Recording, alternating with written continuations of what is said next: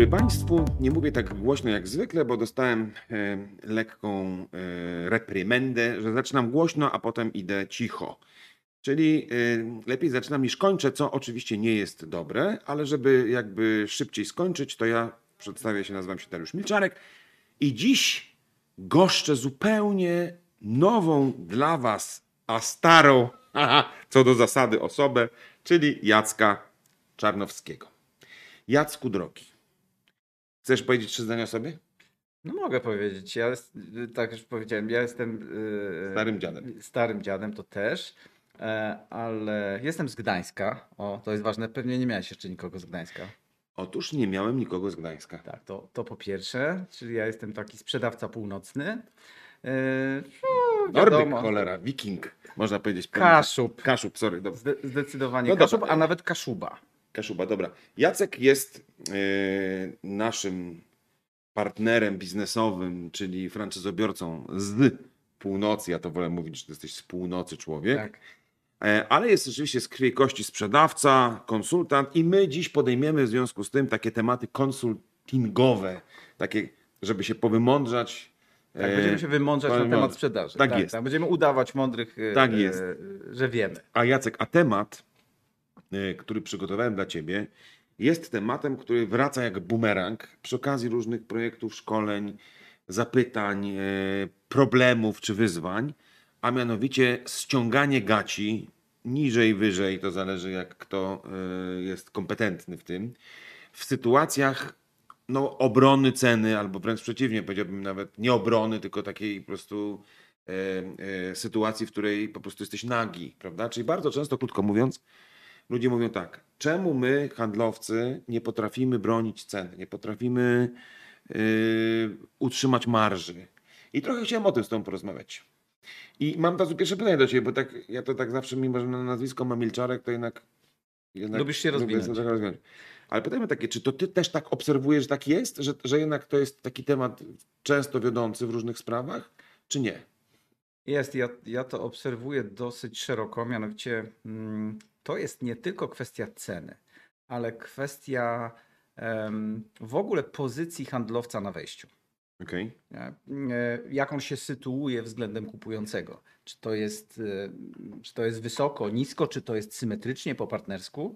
Tak, tak my mówimy, że tak powinno być. Ale dla bardzo wielu handlowców jest to e, trudne. I ja zauważyłem jeszcze jedną rzecz, że to jest bardzo trudne również dla handlowców, którzy mają niezwykle dobry produkt. Czyli taki produkt, y, wiesz, e, automatyzujący coś, wprowadzający jakieś innowacyjne technologie, e, produkt, który oszczędza energię, ekologiczny i tak dalej, i tak dalej. Czyli moż- możemy tam wymieniać te wszystkie Ale mówisz o takim produkcie premium trochę, tak? Wiesz co, on, Nie no, zawsze pre, musi e, ja mówię o produktach premium, ale y, głównie mówię o branży B2B. Em, I no i teraz tak, ci handlowcy, oczywiście ten, ten produkt jest premium, w związku z tym on ma na, wyjś, e, na wejściu stosunkowo wysoką cenę. E, No i ci handlowcy dostają po głowie w związku z tą ceną.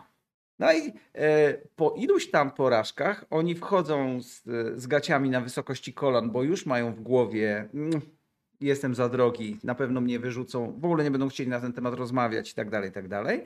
A po wejściu to już mają te gacie na wysokości kostek. I to nie jest tylko kwestia ceny, tylko to zaczyna być takie przeświadczenie na temat e, własnego produktu, że on jest, mimo że taki fajny, że taki dobry i tam nam w firmie mówią, że, że ciekawy, to on nie jest do końca ok dla klientów. Po drugie, mm, zaczyna być takie przeświadczenie o własnej niemocy.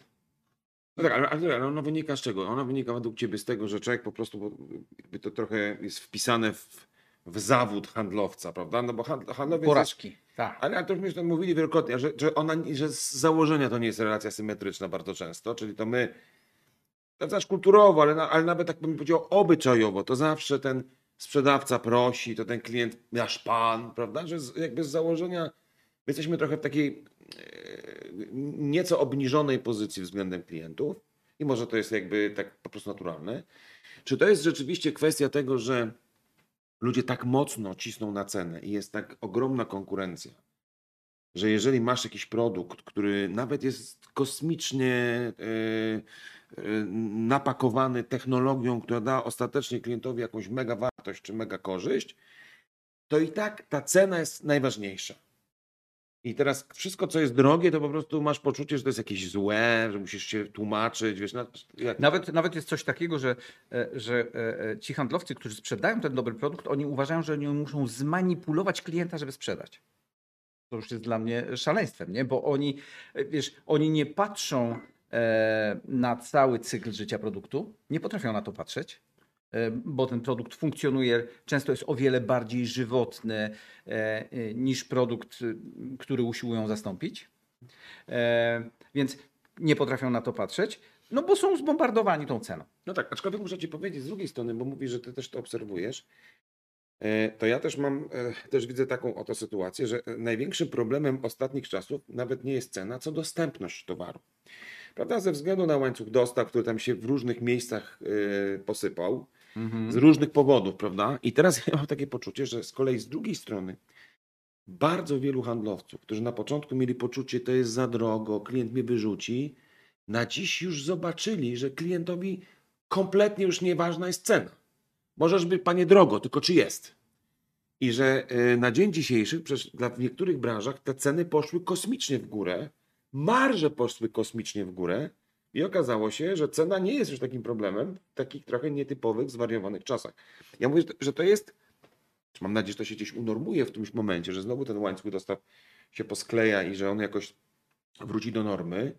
No ale jakby to jest coś, co trochę sprzyja tym handlowcom. Nie masz wrażenia, że to też tak się czasem Trochę dzieje? sprzyja, w niektórych, w niektórych miejscach sprzyja, w niektórych nie, a w niektórych y, są dwa problemy, bo jest wysoka cena i jeszcze trudna dostępność. Tak, no co mi nie? pan dajesz? Pan, daj mi pan to najpierw, tak? Nie dość, że pan tego nie masz, to jeszcze pan chce drogo, tak? E, Ale wiesz co, ja myślę, że ta sytuacja w, w tej chwili, ona jednak w wielu miejscach niewiele zmienia. Nie? Bo to, to jest tak, że jeszcze mamy dodatkowo jakiś tam problem, że e, często być może jacyś kontrahenci na wschodzie, czy to w Biało, na Białorusi, w Ukrainie, czy, czy, czy w Rosji, więc jakiś tam ubytek przychodów, większy nacisk od środka, e, od środka firmy. No i to się zwiększa. I ci handlowcy faktycznie na kolanach. Oni dziękują za, za, za sam fakt e, odbycia spotkania, nie? Że, że klient się zgodził na spotkanie. Już jakby przyklękają na jedno kolanko e, przy wejściu. No dobra, teraz tak, no to spróbujmy jakoś się tym tematem zająć bardziej, Mhm. prawda? To znaczy, no bo załóżmy, że mamy taką, że to, że to jest pewien fakt, prawda? Że ludzie po prostu ciężko znoszą, nie wszyscy oczywiście, tak? Ale ciężko znoszą rozmowy o cenach. Ale wiesz co, tam jest jeszcze, jeden, jeszcze jedna rzecz, y, przerwę ci na moment. Tam jest czynnik kulturowy, o którym mówiłeś. On też Mhm. jest poważny. E, Często jak po drugiej stronie są jacyś techniczni wyjadacze, budowlańcy bardzo mocni, to oni tych, y, którzy pracują w branży po 20-30 lat, to oni tych handlowców natychmiast tam e, na ten klęcznik e, sprowadzają. I to też jest czynnik taki. e, Czyli nie chodzi, co mówisz, że nie tyle cena, co bardziej takie wiesz, poczucie... to, ja myślę, że to jest kilka elementów autorytetu. naraz. To, to jest kilka elementów naraz. To jest trudny rynek, jakby kulturowe, to co mówiłeś na samym początku, taka, to, że handlowiec czuje się niżej, nie jest w pozycji symetrycznej i to, że ma jednak bardzo dobry produkt z wysoką ceną i mm, e, jednocześnie trochę nie potrafi sobie z tym produktem poradzić. Okej.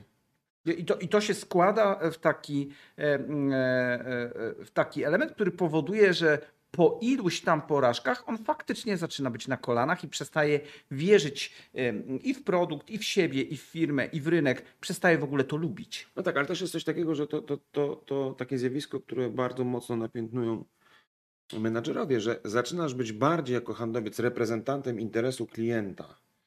Z obawy o to, że nie wiem, utracisz relację, że się tak przecież napracowałeś, że mamy świetną relację z tym klientem i bardziej jestem skłonny spojrzeć na to zjawisko z jego oczami, jego tak, perspektywy oczami klienta. niż jakby myśleć w kategoriach takiego trochę gospodarza na swoim własnym terytorium, reprezentującego jednak przede wszystkim interes organizacji, w Czyli, której się czyli znalazł. to nie jest biznes robiony po partnersku, Tak. tylko to jest usiłowanie, trochę wejście w buty klienta i zrobienia mu w cudzysłowie dobrze za wszelką cenę. Okej. Staramy się trochę rozkminić od wczoraj, Yy, takie zagadnienie związane z pewnym lękiem yy, handlowców, związanym z prezentowaniem, promowaniem, omawianiem, negocjowaniem produktów, które mają wysoką, powiedzmy, wysoką cenę, względnie wysoką cenę, czyli taki lęk. Tą cenę wejściową. Cenę wejściową, czyli no, premium e, rozwiązania albo po prostu rozwiązania, które no, w jakimś sensie stanowią pewne, jesteśmy pewnymi liderami cenowymi, musimy sobie z tym poradzić. Powyżej średniej rynkowej na pewno. I mówiliśmy, że tu trochę jest kwestia kulturowa, czyli że my przyzwyczailiśmy się też w jakimś sensie do takiej podrzędności w ogóle co do zasady, więc jest nam trudno. Jakieś obawy o realne e, utraty naszych klientów, którzy jednak szukają ceny przede wszystkim. Mówiliśmy o tym, że e, zdarzają się takie sytuacje, w których na przykład, nie wiem, my nawet jeszcze nic nie zrobiliśmy, a już reprezentujemy interes klienta. Czyli wiesz, jakby takie antycypowanie przez handlowców samego zła najgorszego. No dobra, i teraz y, zastanówmy się, jak sobie w ogóle z tym tematem próbować radzić, bo mówimy próbować dlatego, no to nie jest takie weź, let's do it, prawda? I teraz wszystko się nam uda, bo to jest temat bardzo trudny, no ale trzeba jakoś do niego podejść. Jak ty byś do niego podszedł, Jacuś? Powiedz. Wiesz co, to oczywiście nie jest proste, e, dlatego że handlowcy starają się mówić o swoim produkcie takim, jakim go widzi klient. Mhm. Czyli tu i teraz. A często te produkty B2B, produkty przemysłowe czy produkty używane w biznesie, one mają swój cykl życia i ich wartość rozkłada się w czasie. To nie jest tylko ta cena na wejściu. Tam wchodzi bardzo wiele elementów. Tam wchodzą koszty serwisowania, żywotność, wygoda użytkowania. E, w przypadku, jeżeli to jest jakieś narzędzie, to jest ilość cykli, które może na przykład obsługujący zrobić danym narzędziem. Szybkość. Mówiłem o automatyzacji, e, czyli wykluczenie w, jakiś, w jakimś momencie czynnika ludzkiego, czyli zminimalizowanie tego czynnika ludzkiego w używaniu czegoś.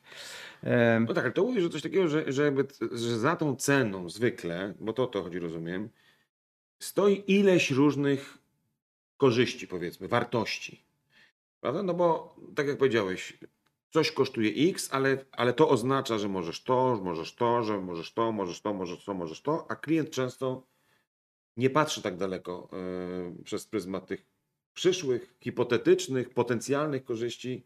Patrzy zwykle przez pryzmat porównania dwóch produktów na rynku. Tak, dwóch cen. Dwóch cen. Dwóch cen. Oczywiście on, te, te produkty mają różne parametry, ale ja bym zaczął po pierwsze, i, i, tak jak rozmawiam e, z handlowców, czy na sali, na sali szkoleniowej, czy, czy gdzieś tam u klienta, jak jesteśmy we dwójkę, to rozmawiamy o tym, żeby pokazać aktualną sytuację klienta i aktualne koszty i wysiłki, dyskomforty, które on ma z używaniem tego, co, co ma w tej chwili. Na przykład liczymy kwestię mm, pochłoniętej energii. Czy potrzebnej energii, czy mediów, które są potrzebne do tego, żeby czegoś używać. Ale e, bardzo często liczymy ludzi e, znaczy pracę ludzką. Bo to jest w ogóle najtrudniejsze, to jest przedziwne, bo z mojego punktu widzenia to jest łatwe policzyć pracę ludzką, a z punktu widzenia handlowca trudne. Ja mówię, ostatnio słyszałem taką historię, że wkręcenie jakiegoś elementu mocującego na dachu, elementu konkurencji i naszego, jest różnica 5 sekund. Mhm. Niby nic. No dobrze, ale takich elementów na dachu jest 10 tysięcy. Czyli to jest 50 tysięcy sekund. A 50 tysięcy sekund, no to y, jedna, y, jedna godzina to jest 3600 sekund. Tak? Czyli mamy tam jakieś powiedzmy 12 y, godzin. 12 godzin razy 5 dachów to jest 60 godzin. E, e, powiedzmy 5 dachów w miesiącu, to jest 60 godzin. A e, razy 12 miesięcy, to okazuje się, że to jest jakaś tam. I to się da przełożyć na pieniądze. No rozumiem, ale to znaczy, że to. Bo czekaj, bo ja, ja z tego co rozumiem, to tak, że handlowiec nie potrafi pokazać tej perspektywy klientowi, rozumiem, tak? Czyli, że tak. policzyć z nim pewnych strat, może strata, może jakichś po prostu większych kosztów, które ma, nie wykorzystując naszego produktu. Tak, czyli wykorzystując produkt konkurencji. Czyli nie jest w stanie z klientem poprowadzić takie trochę przeanalizować jego perspektywy. Tak, często, często handlowcy mają takie, ja często przygotowuję z handlowcami algorytmy monetyzacyjne, że są pewne koszty czy pewne rzeczy do uchwycenia w bardzo prosty sposób. Na przykład koszty serwisu, takie, które się powtarzają, jakiegoś urządzenia. No trzeba wydać e, na serwis, na części i tak dalej, to jest ile, ileś razy w roku. A w przypadku naszego urządzenia ten serwis jest potrzebny dwukrotnie rzadziej. I okazuje się, że to jest dosyć proste do wyliczenia.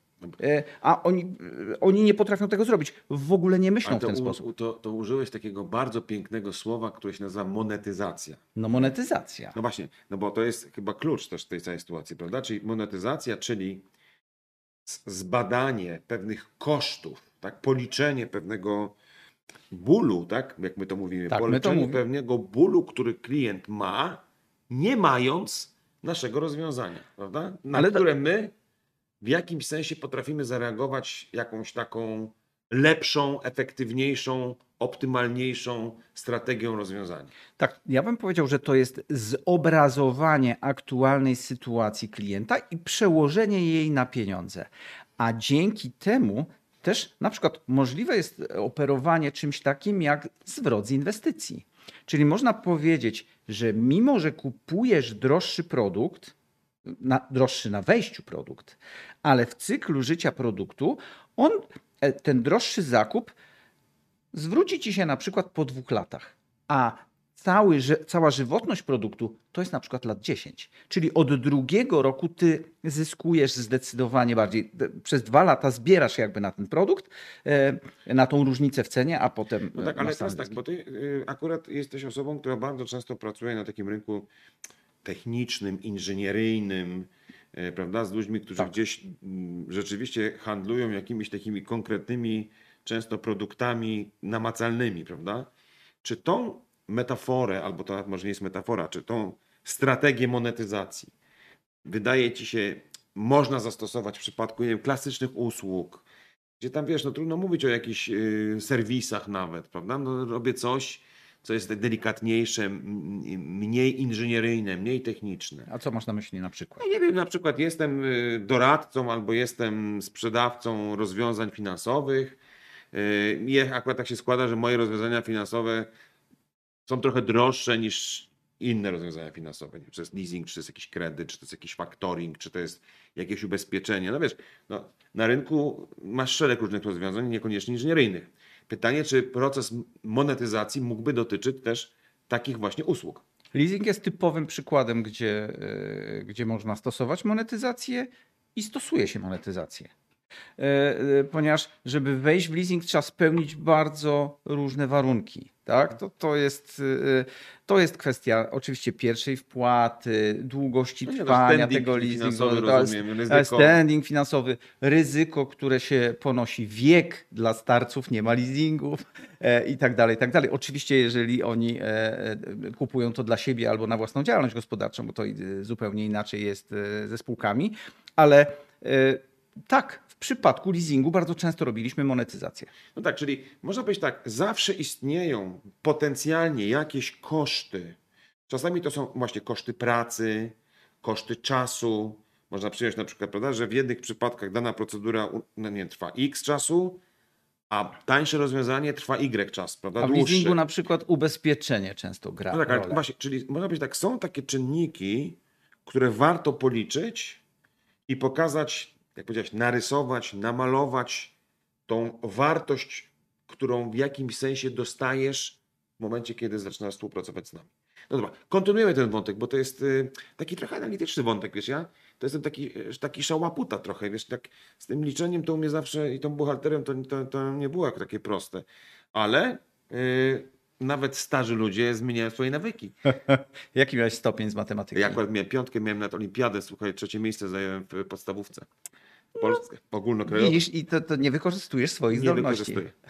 Y, Temat, który podjęliśmy mm, kilka dni temu, to najogólniej mówiąc obrona ceny. Czyli co tu zrobić, żeby się trochę nauczyć, y, przestać obawiać mówienia o drogich tematach rad, re, relatywnie drogich tematach i po prostu Relatywnie relatywnie dobre, drogich tak, tak, tematach. No nie, bo nie chodzi o jakieś super zawsze premium. Zresztą wydaje mi się, że z produktami premium jest o tyle łatwo albo łatwiej, że one docierają do bardzo specyficznych klientów, którzy lubią produkty premium. Po prostu wiedzą, że je kupują, w związku z tym cena dla nich pewnie nie jest z natury najważniejszym elementem. Znaczy, e, znaczy to w przypadku produktów luksusowych. Luksusowych. Muszą być drogie, Muszą być drogie. bo nikt nie uwierzy, że są luksusowe, tak, jak no, nie są No, drogie. ale po prostu wiadomo, że są kupy drogie, koniec. Natomiast relatywnie drogie to znaczy takie, które są powiedzmy droższe niż średnia rynkowa Tak. i w związku z tym masz pewien problem, bo ci y, łomotają twoi klienci o cenie. I mówiliśmy, że jednym z takich bardzo ważnych y, elementów takiej, takiego warsztatu sprzedażowego to jest dobry, dobra monetyzacja. To znaczy zastanowienie się nad tym, jakie problemy rozwiązuje potencjalnie mój produkt czy moje rozwiązanie, daleko dalej niż tylko sam produkt w kontekście nie wiem, jakiegoś tworu e, technicznego na przykład, tylko szeregu różnych rzeczy, które może ci ten produkt czy to rozwiązanie dać na przestrzeni iluś lat, czyli optymalizacja kosztowa, czasowa, tam zadaniowa w każdym obszarze. I to jest tak naprawdę w jakimś sensie nasza e, oręż do tego, żeby z tym klientem pracować. Tak? Czy to jest, to jest jakby kluczowe. Natomiast moje pytanie, Jacek, do ciebie w związku z tym jest, jest takie. Ja mam wrażenie, że, że no, musi istnieć jakiś powód, dla którego ci handlowcy tej monetyzacji nie potrafią dobrze zrobić. Czy, czy oni tego nie potrafią zrobić, czy się obawiają ją robić z klientem, czy mówią na przykład, nie wiem, do mnie się zdarzają takie sytuacje, klient i tak mi nic nie powie, prawda? Czyli ja tu mogę sobie analizować jego Klient sytuację. nie wie, Klient sam nie wie. Sam nie wie, tak, tak. Tak, tak. no to on nie mówi, dobrze panie, co pan tam masz, to co tak drogo, a nie, a ile pan na dzień dzisiejszy wydaje, e, a jakie są na dzień dzisiejszy pana koszty, a ile wynosi serwis i tak dalej.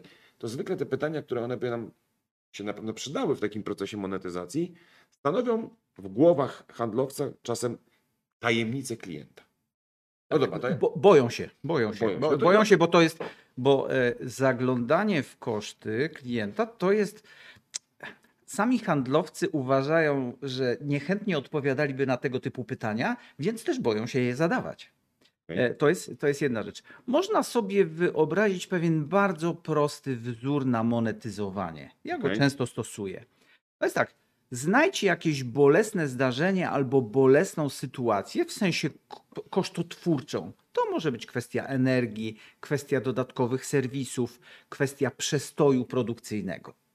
E, Postaraj się z klientem oszacować to jednostkowe zdarzenie, koszt tego jednostkowego zdarzenia.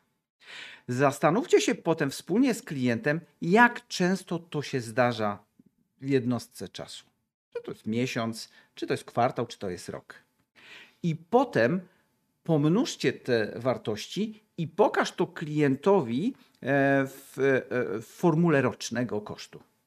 Słuchajcie, to, bo, bo to, to, to natychmiast, Darek, to się robi e, nie 500 zł, tylko może się okazać, że to się tak. robi e, kilkadziesiąt No tak, tysięcy, ja czy rozumiem, kilkaset że, rozumiem tysięcy. że, że jeżeli chodzi, bo wiesz, znowu cały, czas tak myślę, że w tych takich sytuacjach, kiedy ja sprzedaję jakieś techniczne rozwiązanie inżynieryjne, prawda, jakieś maszyny albo to jest mi to łatwiej zrobić, bo powiedzmy, że bardziej namacalnie, ale przecież my możemy mówić o monetyzacji, tak jak kiedyś żeśmy rozmawiali, koszt pracownika, czas wykonywanych działań przez kogoś innego, przestój, albo koncentracja nawet uwagi na innych zadaniach, a nie na przykład zadaniach nie wiem, biznesowych czy sprzedażowych. Jeżeli ja muszę mój zespół na przykład zaangażować do jakiejś buchalterii, zamiast skorzystać z jakiegoś sensownego, nie wiem, software'a, który mi pomoże pewne rzeczy przyspieszyć, no to to jest ten koszt, rozumiem, który gdzieś muszę wziąć pod uwagę w tej całej argumentacji sprzedażowej. Musisz, drogi kliencie, sobie uświadomić, że pewne rzeczy są. To, to rozumiem, to też o to chodzi, tak? Że to nie jest, bo to, to jest trochę trudne czasami, rozumiem, wiesz, Znaczy, bo, bo- oszacować. No. Handlowcy mówią, ale klienci mi tego nie powiedzą i czasami klienci nie powiedzą, właśnie. bo, bo skąd klient, y, y, y, klient nie wie na przykład, ile kosztuje pracownik, nie? On, on może powiedzieć, o, no u mnie tam jakiś, ale ja, ja nie wiem, Ale- ile kosztują ci Ale ludzie. Jacek, z jednej strony nie, nie, może nie wiedzieć, tak, nigdy się nad tym nie zastanawiał, na przykład z perspektywy tam mm, roku, prawda, bo rozmawiasz z prezesem, a nie rozmawiasz tam z HR-em, czy nie rozmawiasz z, z szefem finansów, tylko z prezesem, Albo na przykład z szefem utrzymania ruchu, który ma w nosie takie... który ma w nosie, dokładnie, więc z jednej strony on nie wie, ale czy też nie jest z drugiej strony tak, że może wiem, ale biorąc pod uwagę, że ty, drogi sprzedawco, przyszedłeś tutaj coś ugrać, e, no to ja muszę trochę swój repertuar zakupowy trzymać przy orderach.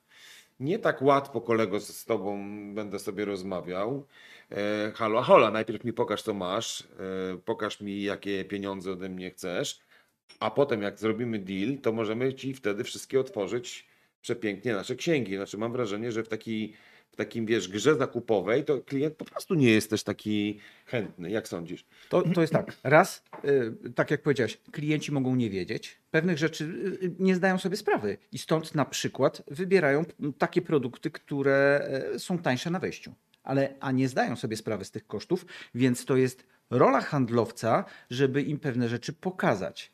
Czyli co, oszacować? Jak to zrobić? Y, Znaczy, ja myślę, że najprościej jest szacować. Szacować na pewnych średnich rynkowych. Jeżeli mówimy średni pracownik montażowy, nie wiem, możemy sobie wyobrazić, zarabia 4, no, dla, prost, dla prostoty rachunku, 5 brutto z kosztami pracodawcy. Tak? Z narzutem pracodawcy. No to jest, jeżeli to jest 5 brutto z narzutem pracodawcy, no to to jest y, y, 60 tysięcy rocznie. Czyli e, uzyskanie oszczędności w postaci pół etatu to jest 30 tysięcy. E, Czyli my możemy mówić takimi Okej. prostymi rzeczami. E, Jeżeli mówimy koszt średni, e, koszt średni serwisowania danej maszyny to jest kwartalnie 10 tysięcy złotych i to się powtarza. I potem jak pokażemy pewien, e, e, pewien zwartościujemy pewną sytuację klienta, zobrazujemy mu to w pieniądzach, to mówimy, my nie musimy od razu klientowi zdjąć całych kosztów. Mówimy, OK, a co ci da 10, zdjęcie 20%, 10%, 30% Okej, ale to co kosztów? mówisz, Jacek, znaczy podoba mi się to jedna rzecz bardzo ważna, że, że ja muszę się trochę przygotować y, Zdecydowanie. do takich rozmów z klientami, pakując sobie, czy przygotowując sobie takie narzędzia kalkulacyjne, czy sza, szacujące różne elementy, które będę chciał poruszyć. No bo zakładam, że jeżeli sprzedaję narzędzie na przykład, które wymaga krótszego serwisowania albo mniejszej ilości serwisowania, prawda? No to wtedy to, to serwisowanie jest takim kluczem, więc ja policzę sobie, ile średnio serwisowanie mnie kosztuje w skali roku, czy klienta kosztuje w skali średnio, mogę to potem porównać. Jeżeli na przykład, nie wiem, załóżmy, że coś jest optymalniej funkcjonuje, mogę więcej produktów wyprodukować przy pomocy naszego narzędzia, no to znowu muszę się skupić, rozumiem, na tych elementach, które dają wartość, tak? I mieć w tyłu głowy jakieś takie, ym, nie wiem, ogólne szacunki, twoje doświadczenia, które masz do tej Ogólne pory. szacunki, te, które są na danym rynku i takie, które też, e, uwaga, nie warto przesadzać z szacunkami, czyli zawyżać tych szacunków. Nawet warto podać je trochę mniejsze albo e, e, umawiać się z klientem, że to jest tylko jakaś część. E, e, to jest taka uwaga do handlowców. Nie przesadzaj. E, e, Nie podbijaj tej piłeczki, bo klient przestanie, e, Okej. przestaje w to Okej, ale wierzyć. mogę takie myślenie w kategoriach właśnie, tak jak mówisz, przygotuję sobie narzędziówkę taką, czyli różne elementy rocznego na przykład prognozowania czy szacowania pewnych kosztów, które będzie albo ma zwykle klient bez mojego rozwiązania. Tak? Dokładnie, tak ja bym powiedział. Warto, y, mówiłem to w poprzednim odcinku. W kilku firmach udało się wprowadzić y, y, w trakcie procesów doradczo-szkoleniowych ze mną tabelę z algorytmami mo- monetyzacyjnymi.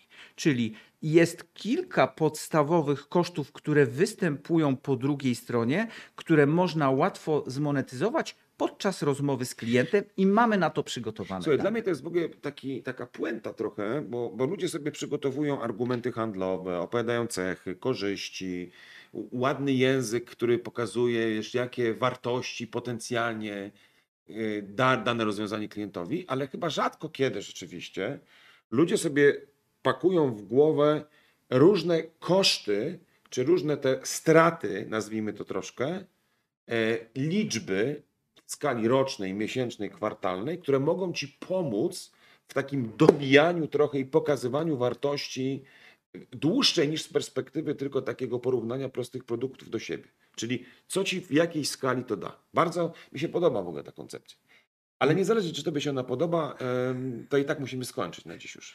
Klientom się podoba i to jest najważniejsze. Do zobaczenia jutro. Do zobaczenia.